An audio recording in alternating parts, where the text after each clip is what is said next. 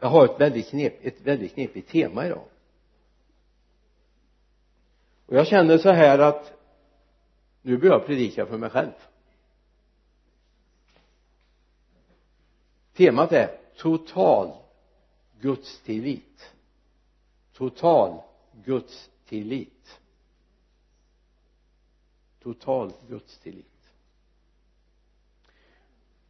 Och ännu mer underligt blir det egentligen när jag läser den text som jag vill dela med dig nu. Och det här är en exempeltext på total gudstillit. Total gudstillit. Och det är Jesus som är exemplet. Jag kan inte hitta något bättre egentligen. Jesus är fantastisk, eller hur? Matteus 14 vers 14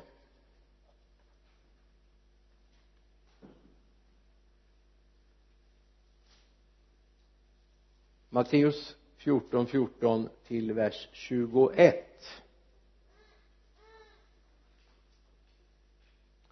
när han, alltså Jesus, steg ur båten fick han se en stor folkskara och han förbarmade sig över dem och botade de sjuka bland dem på kvällen kom lärjungarna fram till honom och sa platsen här ligger ensligt till. Och det är redan sent. Sänd iväg folket så att de kan gå in i byarna och köpa sig mat. Jesus sa till dem de behöver inte gå härifrån. Ge ni dem att äta. De svarade vi har bara fem bröd och två fiskar här han sa hämta hit dem till mig. Sedan befallde han folket att slå sig ner i gräset. Och han tog de fem bröden och två fiskarna såg upp mot himlen tackade Gud bröt bröden och gav dem till lärjungarna. Och de gav till folket. Alla åt och blev mätta och lärjungarna plockade upp de överblivna styckena. Tolv korgar fulla. Det som hade ätit var omkring 5000 män. Förutom kvinnor och barn. Varför de nu inte räknas det förstår jag inte men de åt väl lika mycket förmodar jag. Vet ju hur det är när man har tonårsbarn åtminstone? Då kan de äta rejält. Jag ska bara rätta till mina papper här lite grann.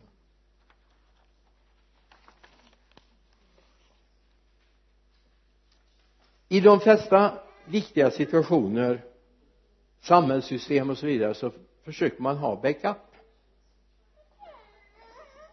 Bankerna har backup. Elbolagen har backup. När jag jobbade inom pappersindustrin så hade vi säkerhetssystem så att inte vid ett strömavbrott omedelbart allt skulle falla ur.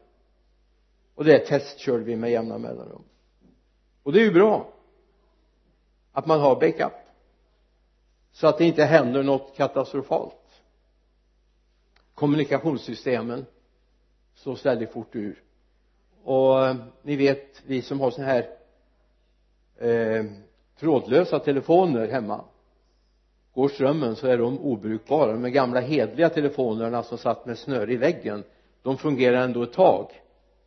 Därför oftast hade man batteri och backup i telestationerna mobilerna funkar lite bättre om nu inte den närmaste masten då också blir utslagen av strömavbrottet. Då funkar inte den heller. Det är så gott att veta att när vi har med Jesus att göra så behöver vi inga säkerhetssystem. Det behövs ingen reserv. Det funkar alltid. Visst är det underbart? Sån är han. Alltså vi kan vara så trygga när vi har med Jesus att göra det är bra här på jorden att vi behöver ha säkerhetssystem och backuper och så vidare. Men i Guds värld så behövs inte det. Han finns alltid på plats. Han hör oss alltid. Och behöver inte ens gå i skift. Har du tänkt på om änglarna går i skift? Eller är de alltid på gång? Jag tror i det avseendet är de mer lika Gud än vad vi är. De har mer ork och kraft och fadern är alltid vaken alltid lyssnande på oss. Så det här som har med kärleksrelationen till Gud den håller alltid. Jag behöver inte ha en extra telefonledning till honom om någonting skulle hända. Utan han är alltid där. Och det är alltid uppkopplat. Det funkar alltid. Och till och med om jag skulle vara utslagen så är inte han det han hör mig ändå. För förrän det är på orden är på min tunga så har han hört det. Och jag kanske till och med i mitt icke vakna tillstånd är min ande igång och ber för mig. Så det behövs inga säkerhetssystem när det gäller relationen till Gud. Och det kan vi väl vara väldigt trygga vid va? och det är det här som har att göra med den absoluta tilliten. Vem vågar vi lita på? Vem vågar vi förtrösta på? Vem är det som lyssnar till oss? Ja Gud signalerar väldigt väldigt tidigt att vi behöver inga säkerhetssystem vid sidan av Gud. Vi behöver inte det. Om vi går till andra Mosebok det tjugonde kapitlet vers 3 så finns det en signal ifrån Gud som är väldigt tydlig. Signalen ges till Mose som är uppe på berget i 40 dagar för att ta emot Guds välsignelse för folket men också de regler de ska leva efter. Då står det du ska inte ha andra gudar vid sidan av mig. Du ska inte göra dig något eh, bildstod eller någon avbild av det som är uppe i himlen eller nere på jorden eller av det som är i vattnet under jorden. Du ska inte tillbe dem eller tjäna dem. Ty jag herren din Gud är en nitälskande Gud som låter straffet för fädernas missgärningar drabba barnen. Ja tredje och fjärde släktled när man hatar mig. Men som visar nåd mot tusen släktled när man älskar mig och håller mina bud. Alltså Gud är väldigt tydlig. Ni behöver bara mig. Ni kan inte ha en till vid sidan om. Ni kan inte å ena sidan. Vi kan inte bli hinduer som har hundra gudabilder på sin sin vägg eller på sin gudahylla. Det behövs bara en det behövs bara en enda Gud som vi behöver vända oss till. Och han behöver ingen backup. Det är det som skapar trygghet. När vi börjar skapa att vi ska ha säkerhetssystem och om nu inte Gud hjälper så kanske jag måste tänka ut något annat någon säkerhet om det händer. Gud behöver inte det. Och i Matteus 6, 24 tar Jesus upp samma tema det säger ingen kan tjäna två herrar. Antingen kommer han då att hata den ene och älska den andra eller kommer att hålla sig till den ene och se ner på den andra ni kan inte tjäna både Gud och mammon. Alltså ni kan inte tjäna både den levande guden och systemet här på jorden. Ni får välja. Det kommer inte funka. Och vi vet väl vad vi har valt vi har valt honom. Och vi vågar det. Du måste välja en. Och det här är viktigt att komma ihåg. Det finns mycket strömningar idag som är gudalika. Med litet g. Det finns strömningar där man har även i den kristna traditionen gått mot mysticismen. Vår gud är inte mystisk. Gud, vår Gud är uppenbarad. Vi vet vem han är. Det är inget mystiskt som händer när vi möter Gud. Det är en vän vi möter. En, en vän som vi känner. Så när Gud uppenbarar sig så är han känd för oss. Och det här är viktigt att komma ihåg. Och jag har valt honom. Och han har valt mig. Det är sån här riktig kärlek som uppstår när två väljer varandra va? Men vi behöver inte new age i vår tid. Jag behöver bara Jesus. Jag behöver bara Jesus. Jag behöver inte för säkerhets skull något magnetbälte för att hålla borta onda krafter. Jag behöver ingen färganalys för att upptäcka vad som händer. Jag behöver Jesus. Då känner jag honom så behöver jag inte, ingenting av det här andra. Jag behöver inte yoga för att slappna av. Jag har honom. Och i honom får jag vila. Det är inte jag som håller fast mig i honom utan det är han som håller fast mig. Hoppas du upptäckt det. Det är Gud som är initiativtagaren. Det är inte du som har utvalt honom det är han som har utvalt dig står det i Johannes 15 16 kapitel 15 vers 16 nej det står så här i Efesierbrevet. Det är Paulus som säger det. I vers 22 och 23 vers 1 eh, Efesierbrevet 1 22 och 23 förlåt. Jag är för ivrig. Allt la han under hans fötter. Alltså allt la Gud fadern under Jesu fötter och honom som är huvudet över allting gav han åt församlingen som är hans kropp fullheten av honom som uppfyller allt i alla. Han som uppfyller allt i alla. Vilken Gud vi har. Vad fantastisk församlingen är. Vi kan ju liksom sätta oss ner vi skulle kunna göra en lång lista och så skulle vi kunna räkna upp alla brister och svagheter i församlingen och börjar vi granska varandra lite med lupp så där så ja men ja du har väl hört den där lilla storyn? Man skulle i den lilla församlingen uppe i Uppland skulle man få besök av en känd predikant från Stockholm. Det här var på hästskjutsarnas tid så det var rätt länge sedan. Så var det en bror till församlingsföreståndaren som skulle åka och hämta med häst och vagn vid stationen. Och sa på vägen tillbaka det tog ju några minuter att åka häst och vagn. Det gick ju inte lika fort som med bilar. Så började han berätta lite om syskonen i församlingen och sa att ja det är nog inte så mycket med honom och det är inte så bra med, med henne heller och egentligen är det bara jag och min bror som det är någonting med i den här församlingen som, som älskar Jesus och går med honom så åker de en stund och sitter tysta och predikanten är lite förvirrad. Och så säger han efter en stund ja jag vet inte hur det är med brorsan heller egentligen hur han har det. Han försökte berömma sig själv alltså. Alltså börjar vi så då kan vi säkert hitta brister och svagheter hos varandra. Men om vi ser vad Gud har gjort med oss och gjort oss till då saknas ingenting. Utan hans fullhet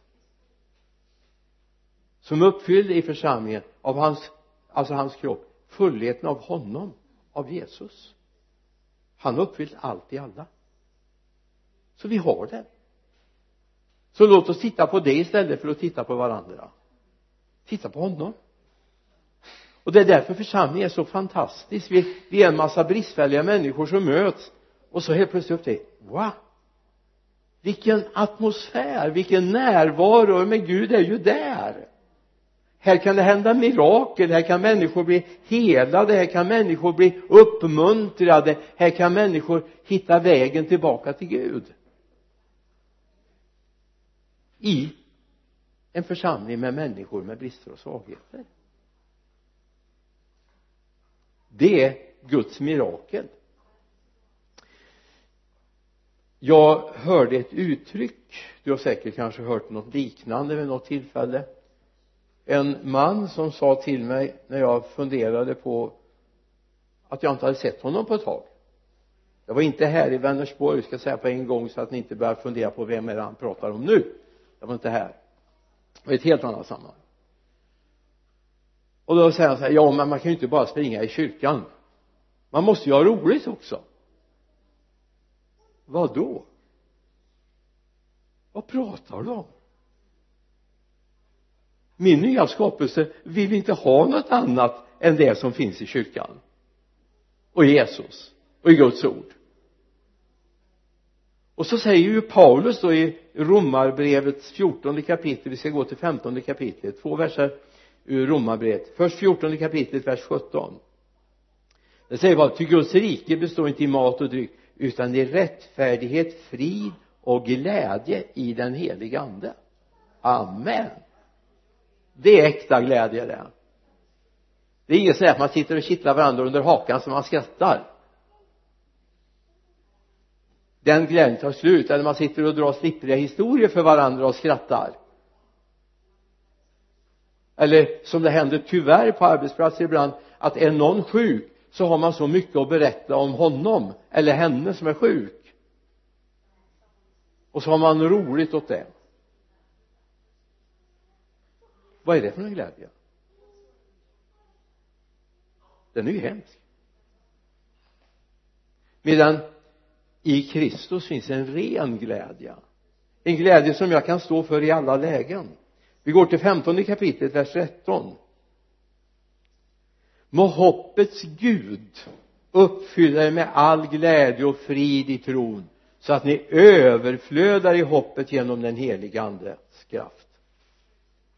Må hoppets Gud uppfylla er med glädje och frid i tron så att ni överflödar i hoppet genom den heliga andes kraft. Halleluja! Gott va? Det finns alltså en glädje som har en annan dimension än den vi känner. Det finns en annan form av glädje. Och den vill jag att vi ska lyfta upp. Låt mig få ta en helt lite banal bild men så oerhört viktig.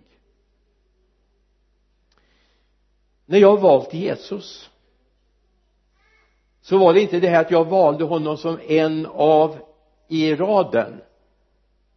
Men han är nog bra att ha också. Ja men det kan vara bra att ha honom också i verktygslådan men jag behöver lite andra verktyg där också. Men, men det är väldigt bra med honom. Och du vet Jesus är sån där universalverktyg. Han passar för allting. Och du ska be för sjuka eller du ska uppmuntra någon eller tala profetiskt eller uttala kunskap ja men det är ju Jesus han är universalmedlet och genom Jesus så har vi också fått klart för oss vem den heliga ande är. Amen. Och då tänker jag så här. Tänk om någon skulle stå vid altaret och så ska de gifta sig. Och så står han med tanken så här men tänk om inte det här funkar. Det är tur att jag har henne också. Jag ska ringa henne ikväll eller och, och så står hon där och funderar men tänk om inte det här kommer funka nu. Det är tur att jag har honom också den här jobbarkompisen. Jag, jag kan ju slå en signal till honom ikväll och säga att du vet jag har inte glömt dig. Hur tror du ett sånt äktenskap skulle bli? Självklart så kan man ju inte göra säger du, eller hur? Nej. Det kan man inte. Inte om man vill ha ett lyckligt äktenskap så kommer inte det att funka. För man kan inte ha reservutgångar. Eller som jag brukar skoja ibland när jag har vikt människor jag har sagt så här jag lämnar ingen ångervecka på det här. Det finns ingen ångervecka. Utan det här är ett livsbeslut. Och det är viktigt att komma ihåg. Vi lämnar ingen ångervecka därför att det är inte vi som kan göra det utan det är Gud och det finns hos honom. Det är märkligt. När vi pratar om ett äktenskap här på jorden som också är ett heligt förbund då kan de här tankarna faktiskt finnas. Jag har mött det mött det i själavården men när det gäller vår relation till Gud så får den inte bara vara den enda. Utan vi har men det måste jag också ha med mig och det ska jag ha med mig också. Och för säkerhets skull måste ju det vara med också. Och så, så måste jag ju ha de kontakterna. Och vi kan bara känna en och vill du växa i tron och få en tillit total Guds tillit då måste du släppa allt annat. Och så känna det håller det håller. I den här bilden som vi hade i texten här som vi läste förut i Matteus 14 så är det en märklig måltid. Jag har funderat väldigt mycket på hur gjorde han? Att han kunde mätta med fem bröd och två fiskar. Ja man kan göra som en man gjorde. Han sa så här det var några kolossala bröd vi kan bara tänka er. Och fiskarna de var stora som valar. Visst. Grattis. Den lille grabben som skulle bära den matsäcken nej. Då finns det en annan lösning på det här. Och så säger man så här ja men det smakar nog inget vidare. Så de åt väldigt lite. Ja det är två problem då. Ena var att det så att de åt så de blev mätta. Och bibeln ljuger inte. Och det andra man kunde samla ihop resterna och då var det tolv korgar fulla. Så någonting hände. Här presenterar sig Jesus på ett alldeles unikt sätt. Han presenterar sin totala tillit till Gud. Innan han hade svaret, hade facit i hand så var han jättesäker om det så bara hade varit att det funnits en liten brödsmula och en liten sardin så hade han kunnat mätta alla dessa människor kanske 10 12 tusen människor. Och de hade blivit mätta. Så det var inte matsäcken det var inte de fem bröden och två fiskarna som var miraklet utan det var Jesu totala tillit till sin far. Fundera på det. Varför överhuvudtaget skulle lärjungarna springa runt och leta efter mat?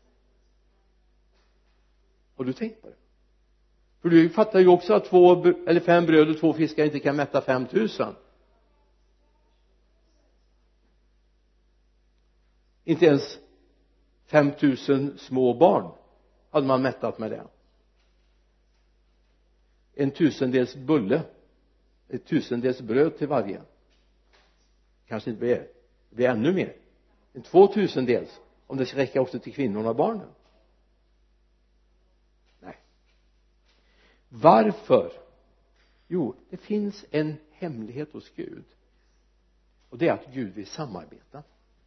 Gud har gjort sig beroende av oss. Inte på det sättet att vi gör miraklet åt honom men han vill ha med oss på resan. Så här sätter han igång lärjungarna. Gå ut och kolla nu vad det finns för någon mat här. Kolla upp det. För det är ju ni som ska mätta. Och för det andra den lille grabben som hade en matsäck med sig. Gud genom Jesus Kristus gjorde sig beroende av honom. Varför ska du vara med och be för människor till helande jo därför Gud vill det. Inte för att du kan hela inte för att du kan göra miraklet. Om det skulle vara så att SMHI har en prognos. Jag tänkte på det i natt när jag hörde det regna. Tänk om SMHI hade haft en prognos och sagt att nu ska Vänersborg svämma över här. Vi var ju med om det för något år sedan här va?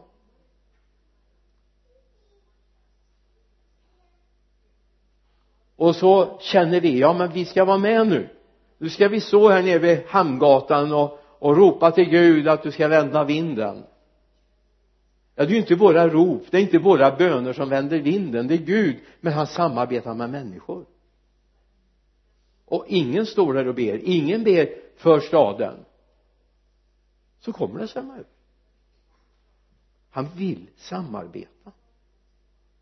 Och det är det som är hemligheten. Här är det bristfälliga svaga bräckliga människor i den här lärjungaskaran. Jag skulle kunna ta exempel så du skulle nästan rodna över vilken gäng Jesus gick runt med.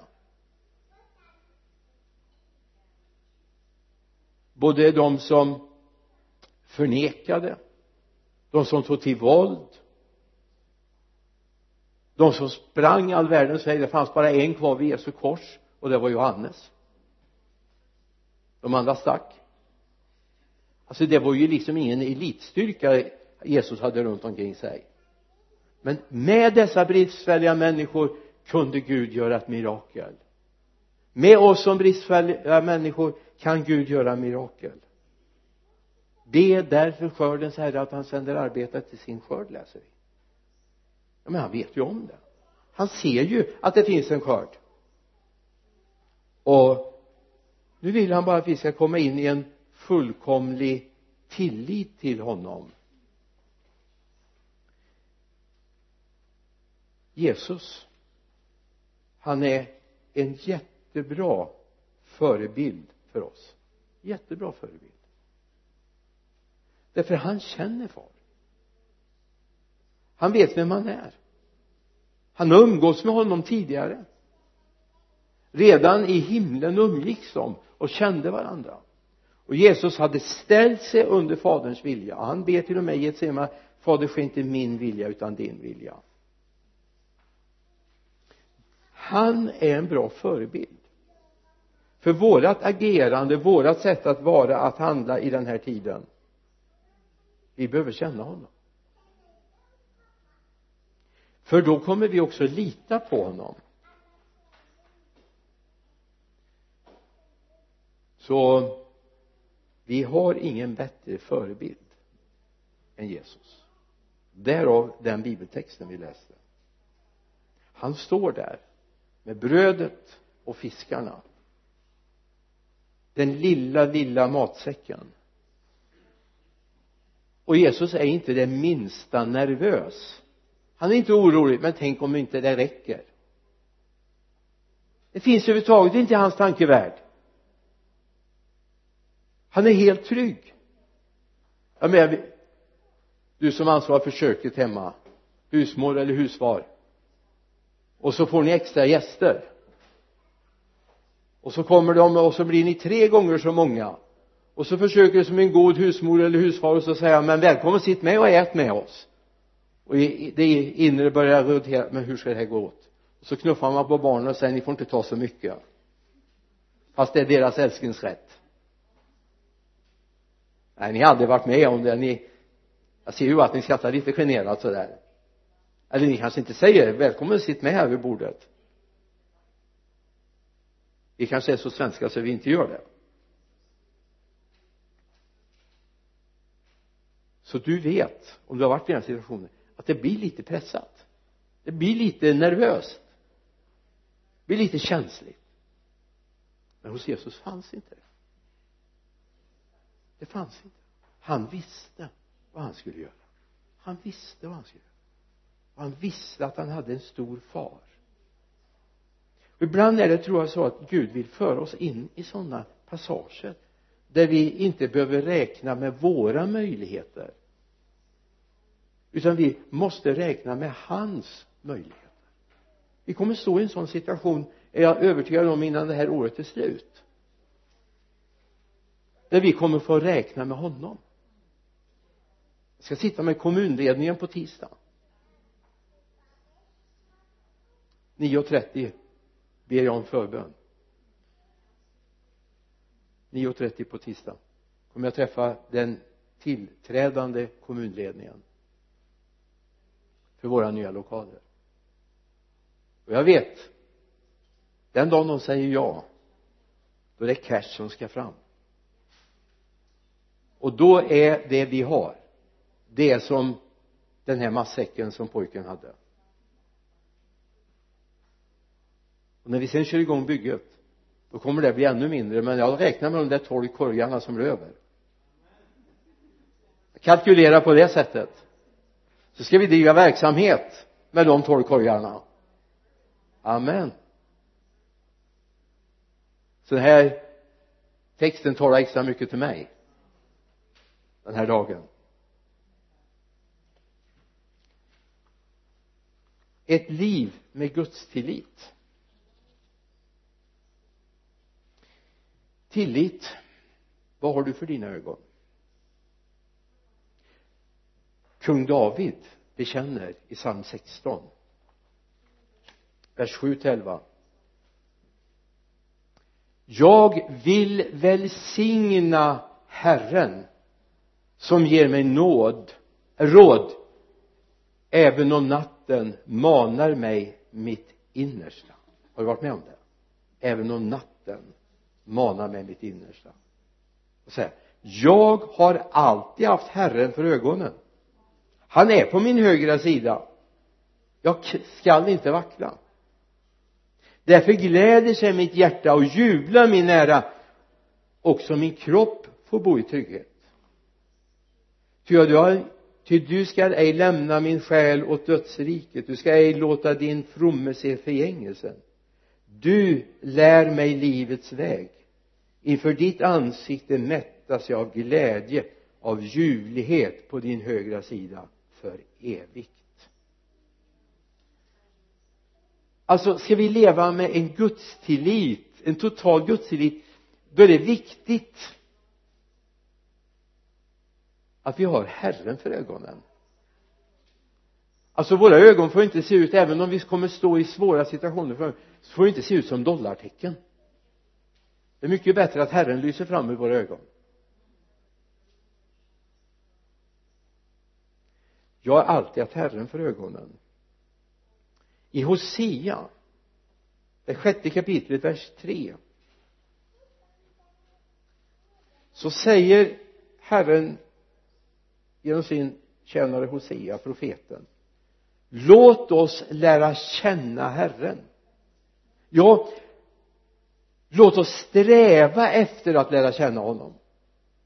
Hans uppgång är så viss som morgonrodnadens och han ska komma till oss likt ett regn, likt ett vårregn som vattnar jorden. Låt oss lära känna Herren. Och så tar han till. Ja låt oss sträva efter att lära känna Herren så har vi någonting vi ska sträva efter så är det inte att prestera utan lära känna Herren. Är det någonting vi ska sträva efter så är det att lära känna Herren. Det är inte att uppfylla en massa krav utan att komma nära honom och umgås med honom. Lika lite som vi kan ha tillit till en människa vi inte känner har vi inte tillit till en Gud som vi inte känner. Eller har blivit kända av.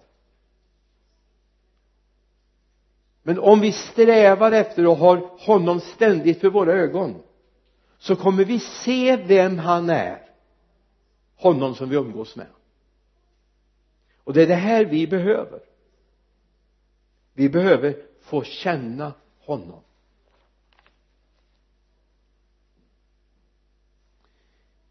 I psalm 40 vers 2 till vers 4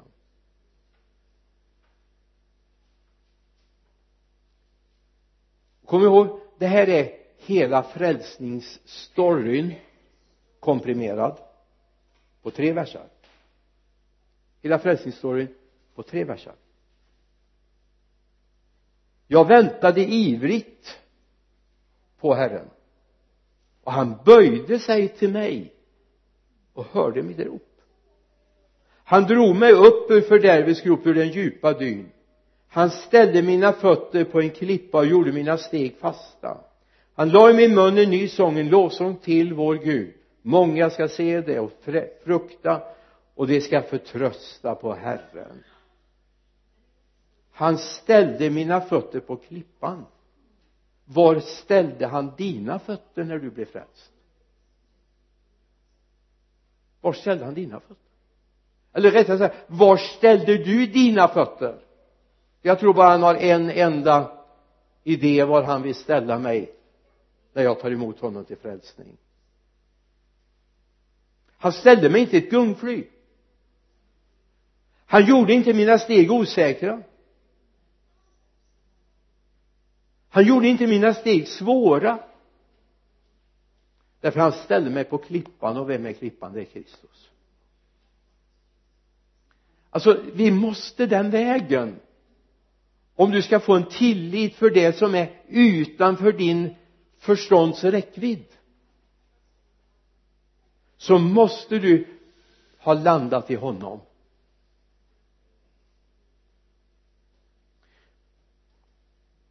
Paulus är ännu rakare. I det andra kapitlets vers 6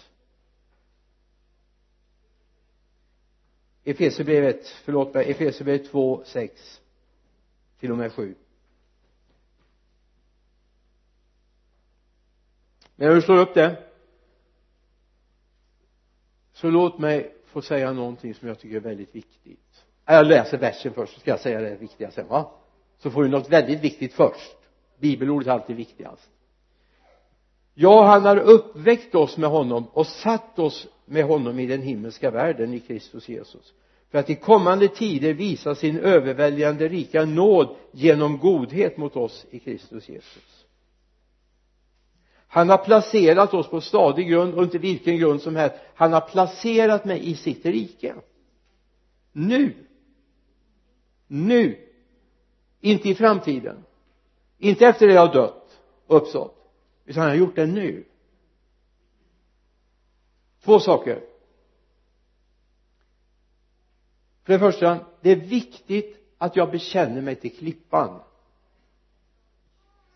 Inte till eh, dyn. Inte till fördärvets grop. Min bekännelse min berömmelse min stolthet har jag i det nya livet. Inte i det som har varit. Det är borta. Jag är en ny skapelse i Kristus Jesus. Allt för ofta stannar vi i det. Ja, men jag har varit jag har gjort ja det har handlat varit så? Det är egentligen helt ointressant. Det som är centralt det är den du är nu i ditt nya liv. Han har placerat dig på en stadig grund. Det är din berömmelse. Det är din trygghet. Och det är din framtid. Det är det som ger dig tillit. Att du vet att du är på den klippan. Klippan Kristus. Han gjorde dina steg fasta. Varför då? jo därför du är på stadig grund. Så dagarna efter du tog emot Jesus åren efter du tog emot Jesus decenniet efter du tog emot Jesus så vandrar du fortfarande på stadig grund. Och du går från härlighet till härlighet till du träder fram inför Gud på sionde dag. Inte nog med det. Du är också placerad med honom. Och det här är inte bara liksom en, ett bibelord bara för att det ska låta lite vackert och lite härligt sådär. Utan det är ett faktum. Du är placerad med honom i den himmelska världen vilket innebär att du är med där besluten fattas för den här jorden. Om Guds folk skulle upptäcka det här skulle det vara fler på bönemötet än konserten.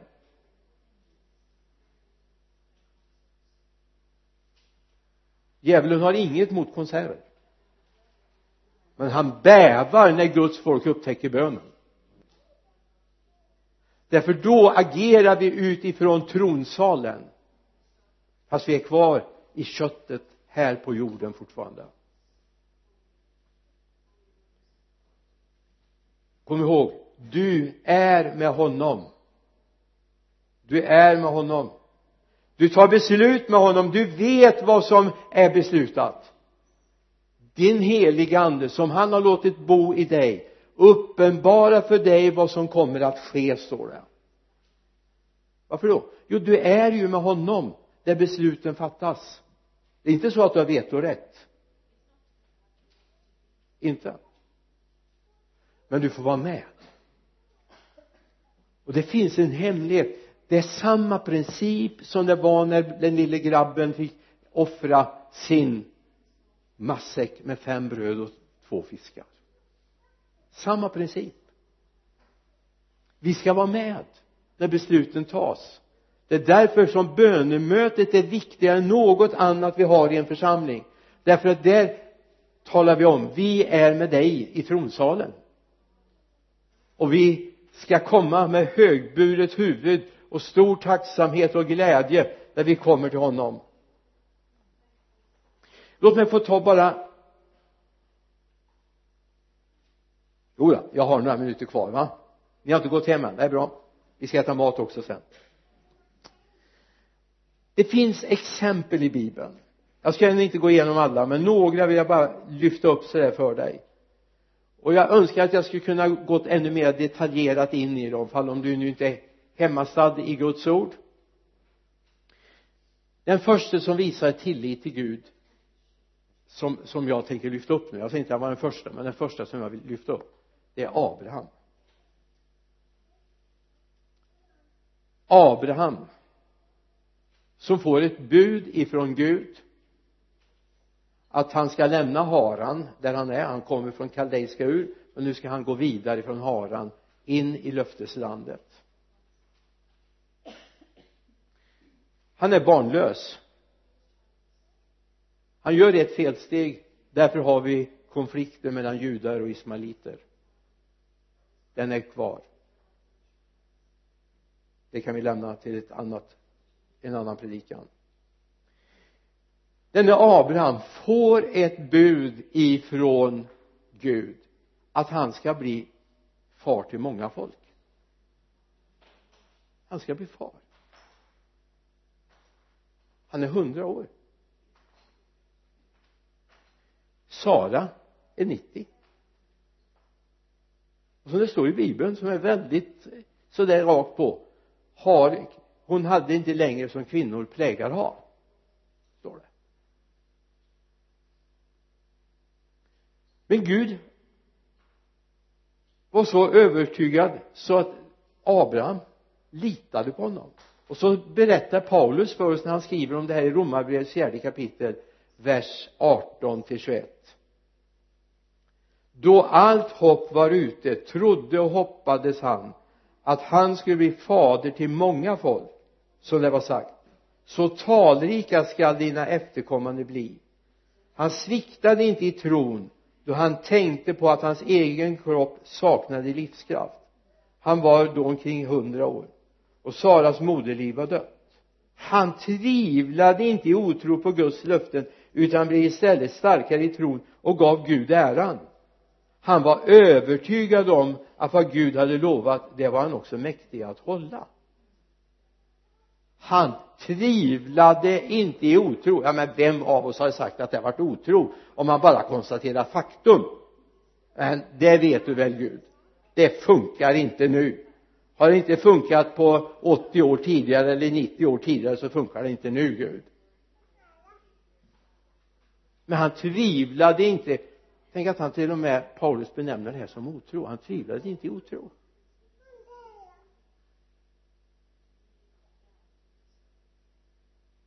Fundera på det.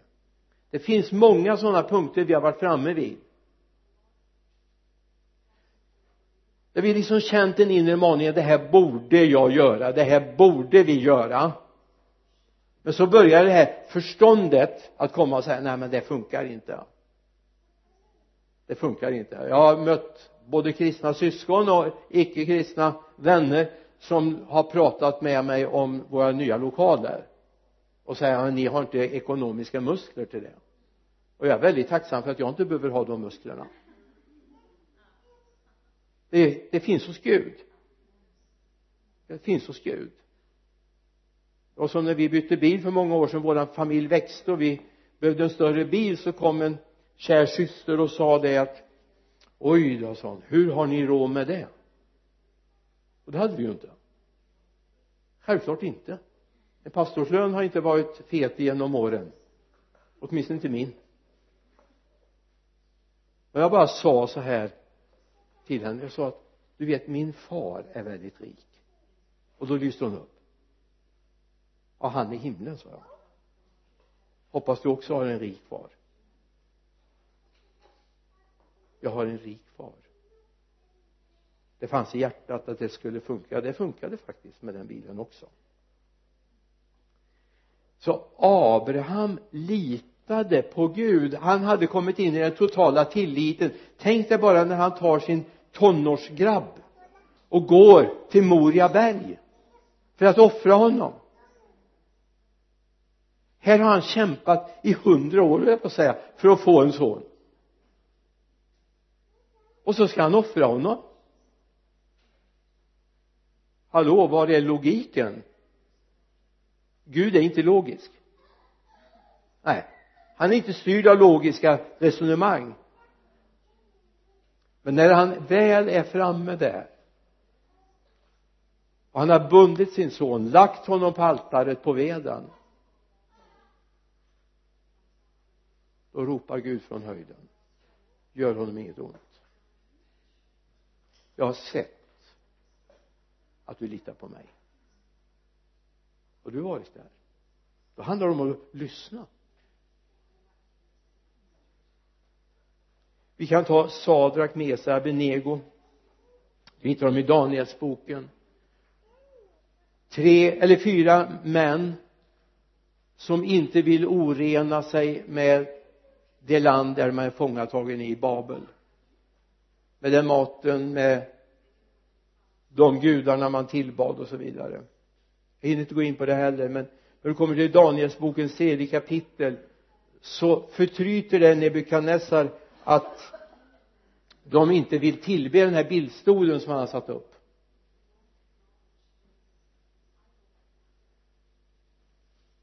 Du kan ha det framför ögonen.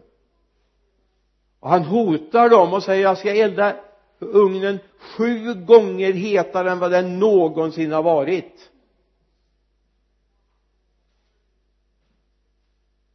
Till och med de som så småningom band dem och kastade dem in i ugnen de dog av värmen.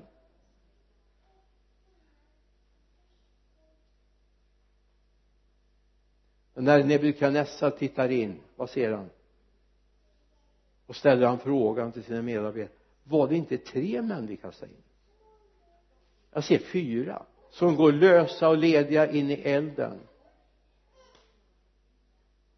Och den fjärde ser ut som en gudason. Vem var det? Ja det var han Jesus. Alltså de hade den här totala tilliten. Läs tredje kapitlet i Danielsboken när du kommer hem ska du se. Ja men okej okay då Gud om han inte okej okay då Nebukadnessar om nu våran Gud inte bevarar så kommer vi inte be till dig i alla fall du kan gå till sjätte kapitlet så hittar du Daniel när han hotas med lejongropen. Men han vek inte en tum. Och så kastade han sig i lejongropen och så hände ingenting. De var som små kissekatter där nere lejonen. Det brukar de inte vara. Det är liksom inte vanligt att de är sådana men det kom en ängel och stängde deras gap. Alltså vad var det som gjorde att de vågade stå på sig? Jo därför att de hade tillit till Gud. De litade på honom mer än på något annat. Eller vi kan gå till kungaboken och så möter vi Elia och Elisa. Profeterna Elisa tar ju över efter Elia. Han får bli en Herrens profet när manteln har fallit av Elia. Och så får han han bett om en dubbel arvslott och enligt de som har räknat så gör han ungefär dubbelt så många gärningar som Elia gör. Alltså läs den storyn också och se för det här är sant, det här har hänt. Det fanns ingenting som gjorde att de darrade på något sätt på manschetterna utan till och med när Naman kom och var sjuk så bara skickade han ut en tjänare när sonen hade dött nu blandar jag ihop de här två. Och du får läsa kungaboken får du se. Och så ska du se vad Gud gör. Och så står helt plötsligt Elia och utmanat 450 avgudaprofeter på Karmel. 18 kapitlet i första kungaboken han står tryggt väntar medan de ber och de ristar sig och de kommer i profetisk hänryckning och sen träder han fram vid tiden för middagsoffret och så befaller han att man ska fylla till och med grav, man ska vattna offret, man ska fylla graven med vatten. Och så vänder han sig till Gud och säger hör mig herre för detta folks skull och när han har bett så faller elden och tänder eld på offret slickar upp vattnet i graven runt omkring. Tillit till Gud. Alltså om du ska få vara med om sådana här mirakel så måste du ha tillit till Gud. Det handlar inte om att du har gått någon perfektionistskola och blivit så jätteandlig. Det handlar om att du litar på honom och lever med honom.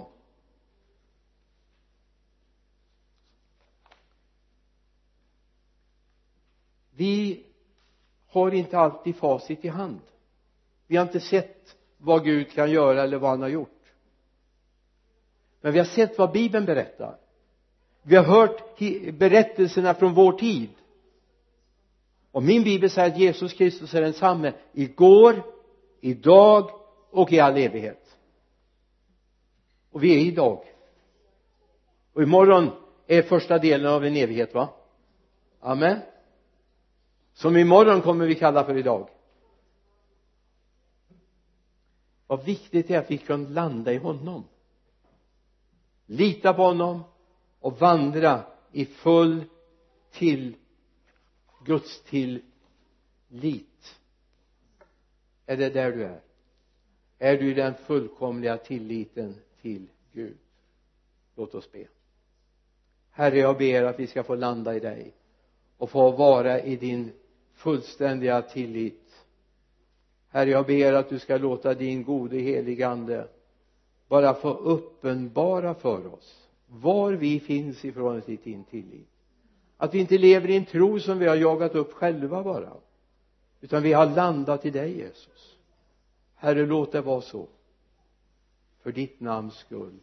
Amen.